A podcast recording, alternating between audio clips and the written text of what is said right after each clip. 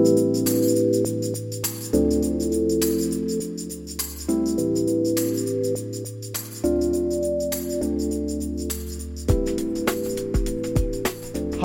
terus kembali lagi bersama kami tim R&D PJ Chapter UMM di podcast kita yang ke-6 Nah, di podcast kita yang ke-6 ini kita bakal bahas tentang Right to China Jadi apa itu to China? To China itu adalah salah satu uh, kompetisi menulis isai yang diselenggarakan oleh EPCI Pusat bekerja sama dengan uh, Kedutaan Besar Republik Rakyat Cina dan juga pemerintah provinsi Fujian. Nah, uh, untuk podcast kali ini kita udah ditemenin sama narasumber kita yang nggak lain adalah mantan Kadif R&D Mbak Dinda Larasati. dan juga di sini ada rekan saya Abbas Doni.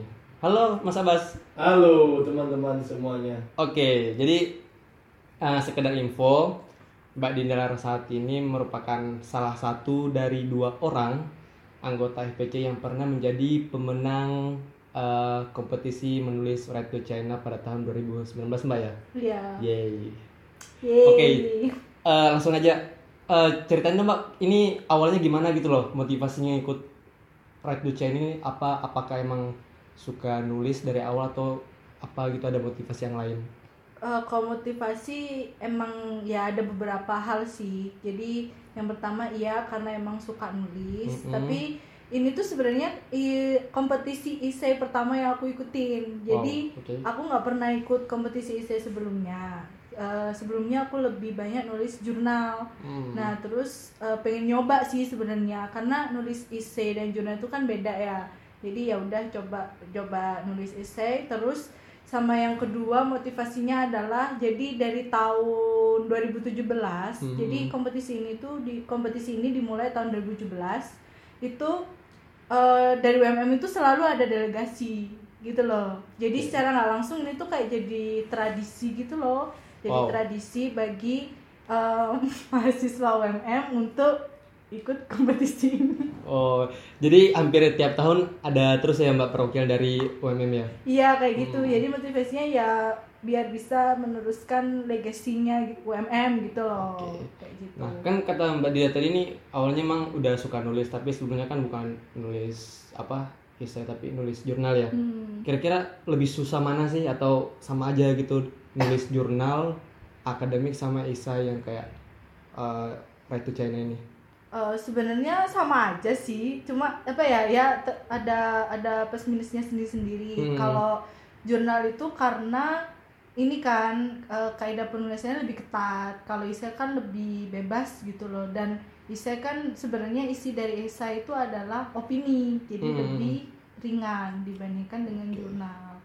Jadi opini tapi juga didukung dengan data-data Iya, gitu Mbak. Oke. iya.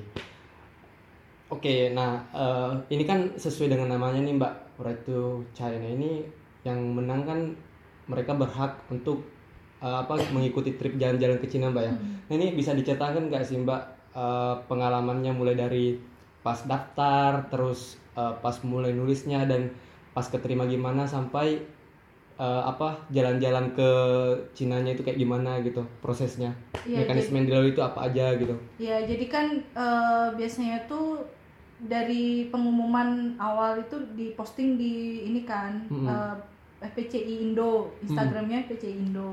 Nah setelah itu udah mulai nulis nih, nulis. Habis Setelah itu submit kan, submit essay. Nah eh, itu seleksi pertama. Jadi seleksinya dua tahap, Iya. essay dan interview kan. Awalnya dari seleksi essay itu diambil berapa ya? 50 orang atau berapa gitu. Nah, setelah itu disaring lagi di interview. Tahap kedua adalah interview. Nah, setelah dari tahap interview ini barulah diambil 20 orang uh, pemenangnya. Setelah itu ya udah deh, habis itu uh, apa namanya? persiapan ngirim. Jadi kita di diminta untuk ngirim berkas untuk aplikasi visa. Visanya gratis tenang aja karena karena kan kita juga disponsori sama kedutaan besar Cina. wow Jadi iya, jadi kita cuma ngirim berkas, terus mereka yang bikinin visa itu gratis, gak dipungut biaya apa pun. Setelah itu di hari yang ditentukan kita biasanya gathering dulu nih di Hmm. eh, Jakarta. kayak gitu setelah itu baru berangkat ke Cina mulai trip Jadi hampir semua itu dibiayain mbak ya? semuanya sih Wow. semuanya dibiayain Enak banget ya?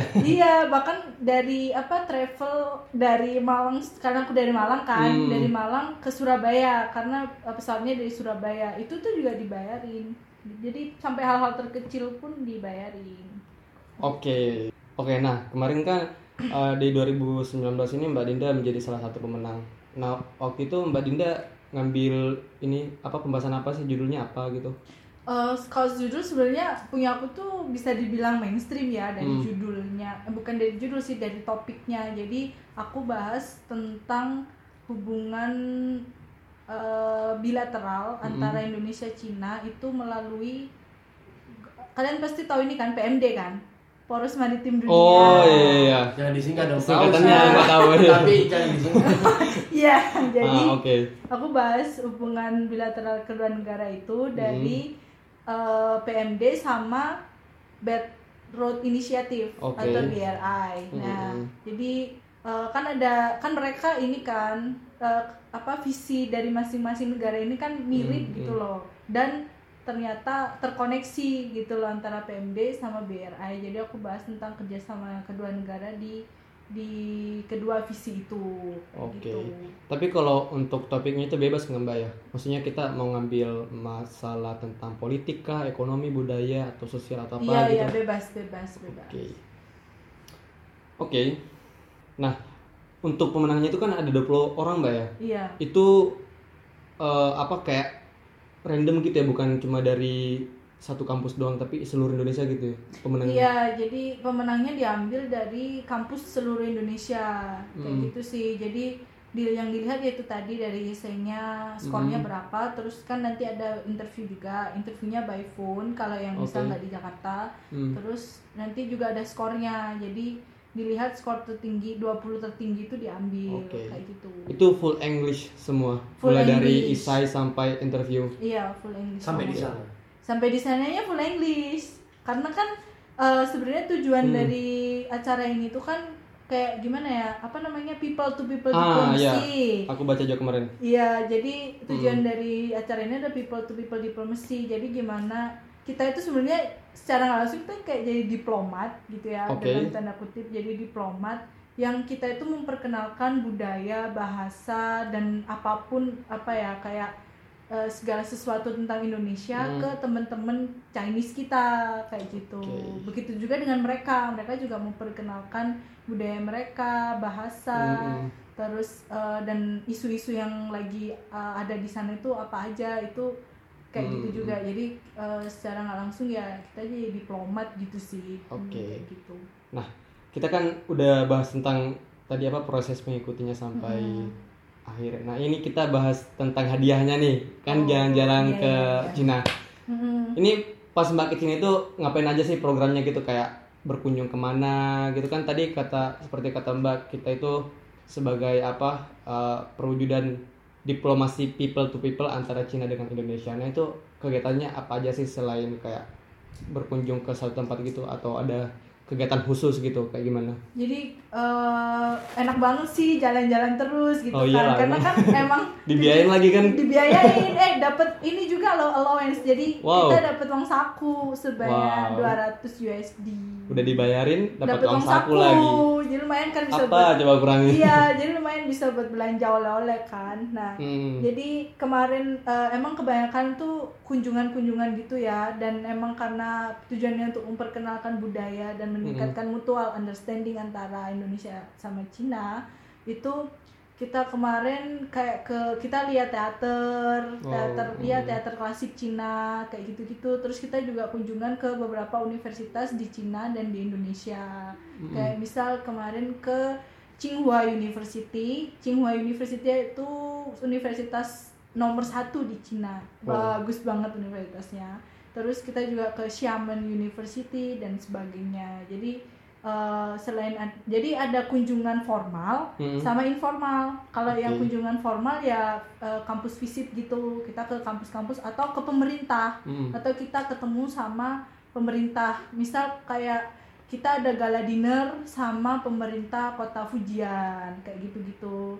terus kalau yang apa unofficial ya kita kayak nonton apa namanya pertunjukan gitu terus kita juga kemarin kita juga apa namanya hiking ke Tian Yu Peak itu tempatnya bagus Apa banget itu. Tian Yu Peak? Tian Yu Peak itu gimana ya jadi dia pegunungan gitu Oh, tempatnya itu ah. bagus banget jadi kayak apa ya yang memperkenalkan uh, wisatanya juga kan promosi Oh. wisatanya mereka juga kayak gitu Oke. Nah itu kan kegiatannya agak banyak gitu mbak itu Mm-mm. berapa lama sih waktu ininya jalannya itu dari awal sampai balik ke Indonesia lagi? Eh, jadi ini kalau di Cinanya hampir dua mingguan Oh, agak lama juga ya? Iya, Hmm. agak lama. 13 harian kalau nggak salah. Itu Hmm. di Cinanya. Setelah kita balik ke Indonesia kan kita masih tetap program. Oh, ada lagi programnya. Jadi programnya itu gini, Hmm. eh, Cina, kita ke Cina selama 13 minggu, habis itu balik kan Hmm. ke Indonesia, itu masih tetap program.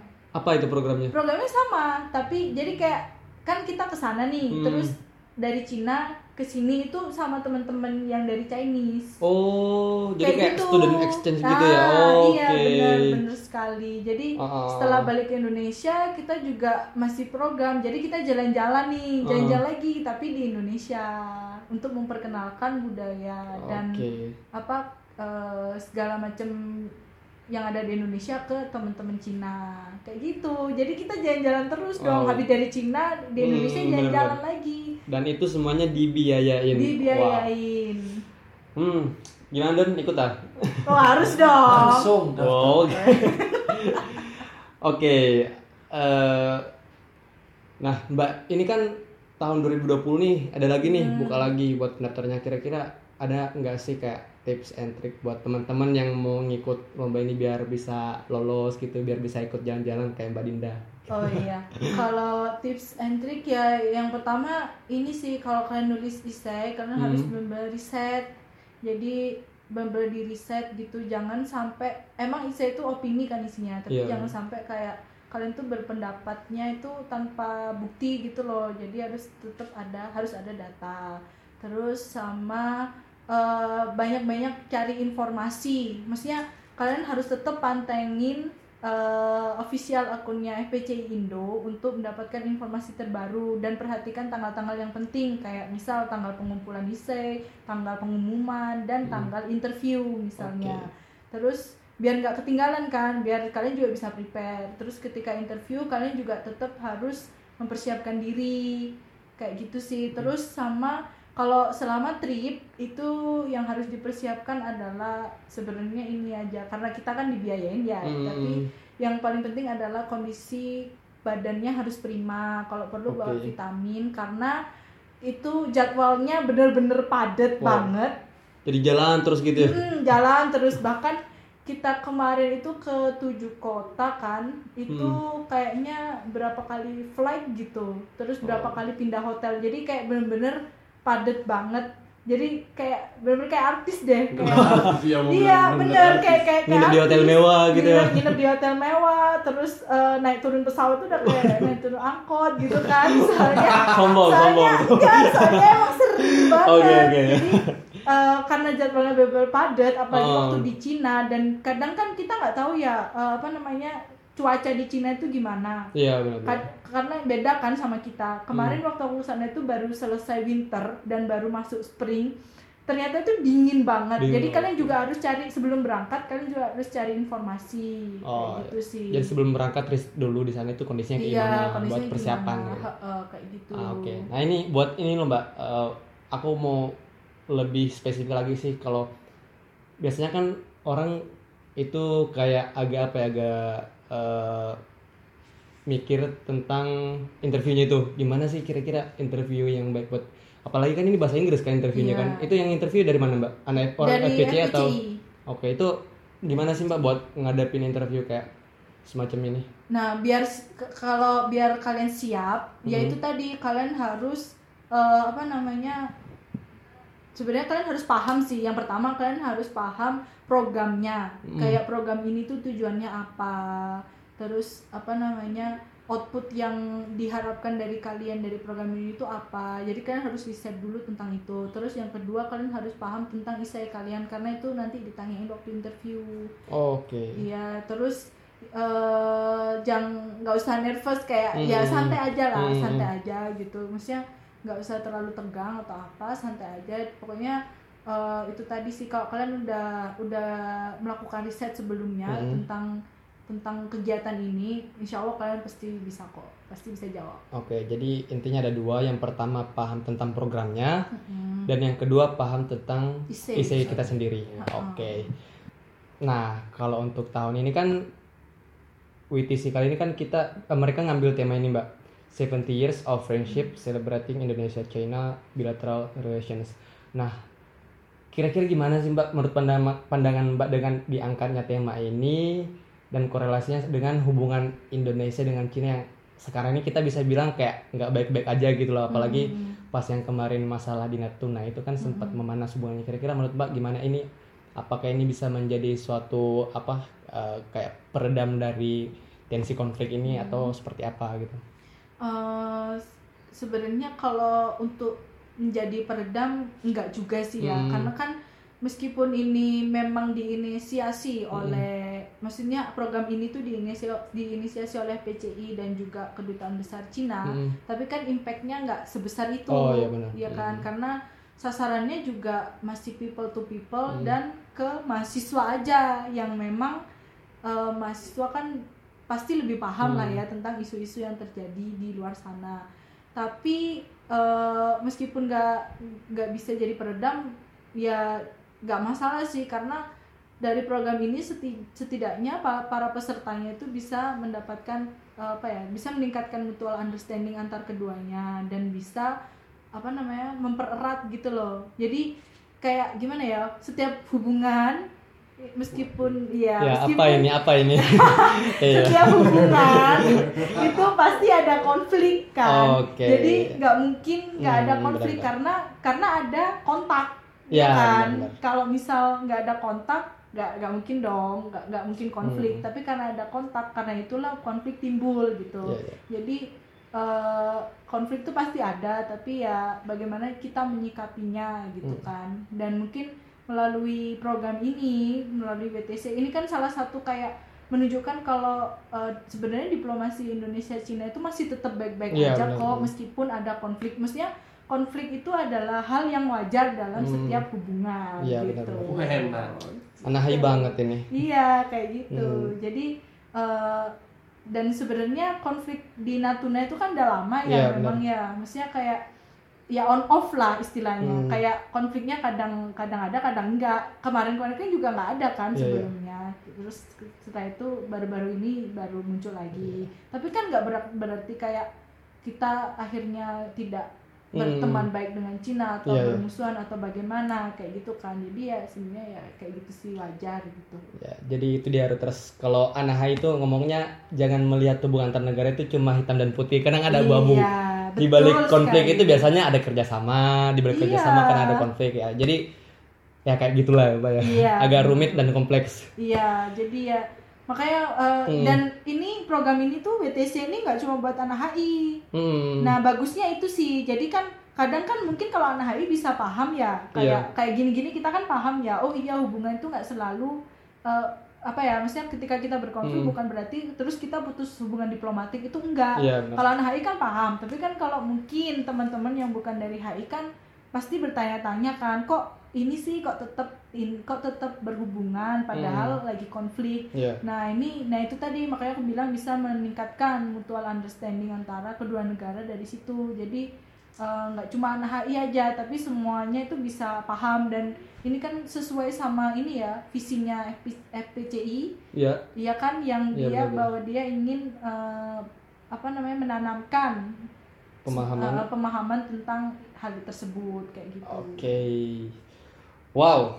Menarik banget pembahasan kita hari ini mulai dari WTC sampai hubungan diplomatik Indonesia Iya. Tiongkok. Emang real semua. ya, ini real life ini. Oke, dan itu tadi bincang-bincang singkat kita dengan Mbak Dinda.